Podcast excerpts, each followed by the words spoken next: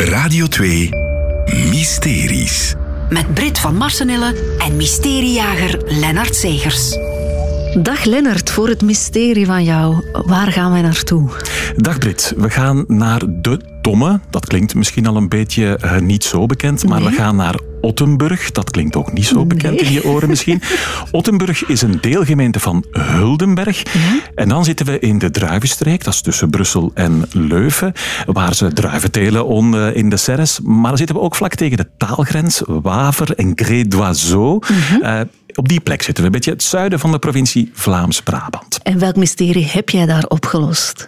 Wel, de tomme, dat eh, verwijst naar tombe, heuvel, grafheuvel. En dat is alles wat ik wist. Dat daar ergens in de velden een heuvel stond. In eh, de gemeente daar rond ging al een tijdje langer rond dat daar een mysterieuze heuvel was die misschien terugging tot de Romeinse tijd.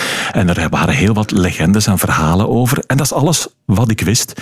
Ehm, ik ben dan om te beginnen op zoek gegaan naar die heuvel. Want dat is niet aangeduid met, eh, met infoborden of met wandelpaden. Die heuvel is, ja, het is ook een heuvel niet klein. eh 4 meter hoog, 40 meter breed, 120 20 meter lang. Dat is toch een behoorlijke heuvel? Ja? Ja? dat wel. En het ligt op een plateau. Dat is dus ook al een heel gebied met velden. Maar er zijn ook huizen rond. Ah, ja. En ik moest dus eigenlijk op zoek gaan naar... Ik wou die toch eens zien, die heuvel. Ik zag wat bomen in de verte. Maar daarvoor moesten we letterlijk een deur openduwen naast een huis, waarvan meteen door mijn lokale gids werd gezegd, opgelet, hier zitten honden. Ik, ja, ik heb vroeger ook ooit wel een hond gehad, maar zomaar ergens binnenkomen waar honden zitten. Maar die honden hebben we niet gezien, de heuvel wel. En ja, het sprak me wel een beetje tot de verbeelding, maar het was gewoon een heuvel met wat eh, bomen daarop. Ja. En toen ben ik op zoek gegaan naar wat dat eigenlijk is, hè, wat daar mogelijk onder zit. En ik ben begonnen met eh, verhalen. Er was een verhaal over kabouters, en dan zitten we natuurlijk al meer in de legendes, heerlijk. over kabouters. eh, de krogmannekes noemen ze dat daar. Af en toe gingen die zo eens richting boerderijen en mensen. En er was één zo'n dwergje, zo'n kabouter, een krogmanneke, die had het heel erg voor een lokale meid van een boerderij. Die, bleef, die, maar, die bleef daar maar langskomen. En die meid vond het toch niet zo leuk, ging dan wat raad vragen bij de pastoor van hoe raak ik daar vanaf.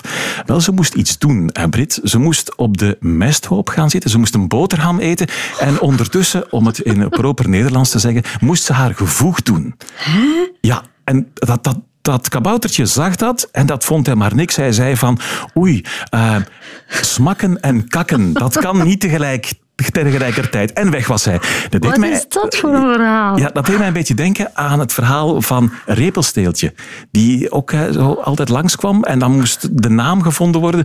Maar eerst wat plastischer. Op de mesthoop gaan zitten en ja, eten en andere dingen tegelijkertijd doen. Maar Oké. dat is één verhaal enkel daar lokaal bekend. Het andere verhaal was dat er in die tomme een gouden geit zou zitten. Daar Oh. wist eigenlijk bijna niemand iets van. Waar komt dan dat verhaal vandaan? Ja, er is op een oude kaart staat er tombe gat. Dat zou verwijzen in het Frans naar geit.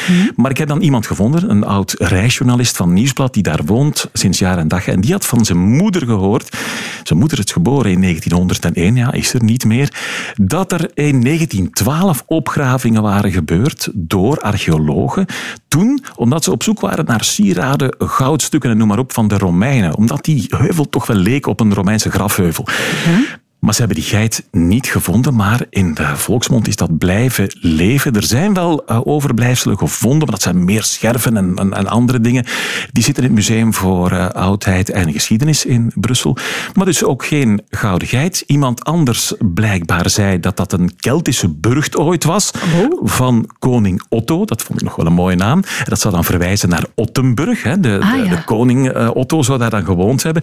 Dat vond ik eigenlijk een heel mooi verhaal, maar daar is niks van teruggevonden.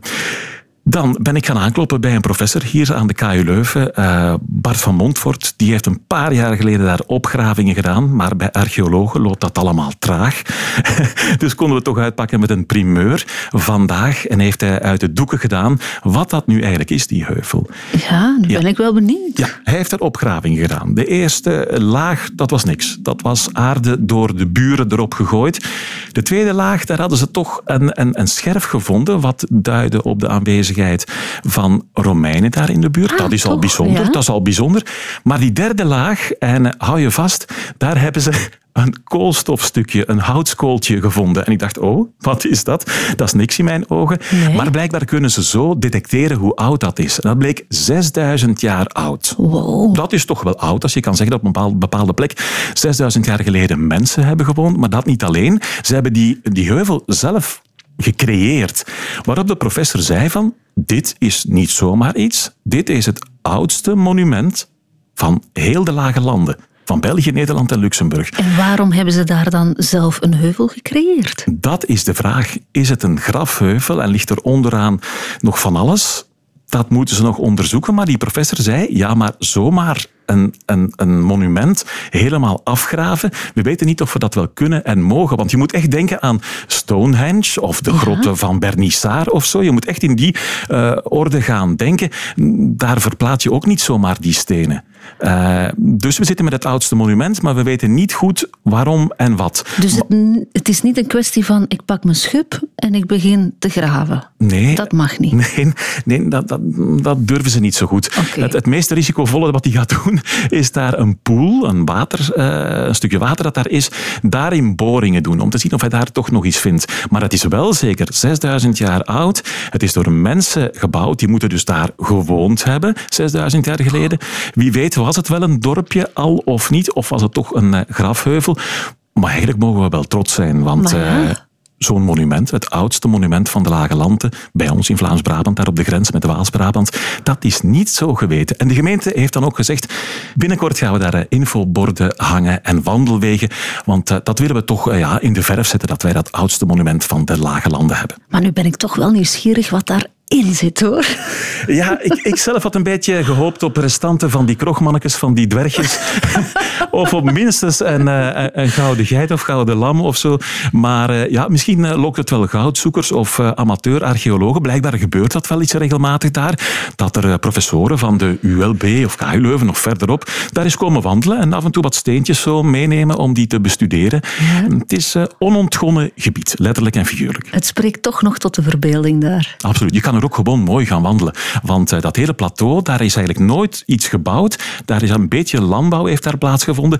En in het midden van dat plateau staat dan wel zo'n metalen trampoline, zo noem ik het. En dat is het vliegbaken van Huldenberg. Alle piloten van over heel de wereld kennen dat. Ze moeten dat kennen als ze van op dan willen opstijgen en eh, willen vliegen. Dus ze kennen het wel. En dat is een beetje bijzonder. Zo'n hoogtechnologisch iets dat dan staat op zo'n neolithische site van, 2000 van 6000 jaar oud. Dat is ongelooflijk eigenlijk. Hè? Misschien moet je eens komen wandelen. Ik ga dat doen, Lennart. Dankjewel. Sowieso een mooie streek. Oké, misschien kom ik wel zo'n eh, krogmannetje tegen. Opletten dan. ja. Je weet wat je te doen staat ja, dan. daarom. Meer mysteries? Volg alles in de Radio 2-app.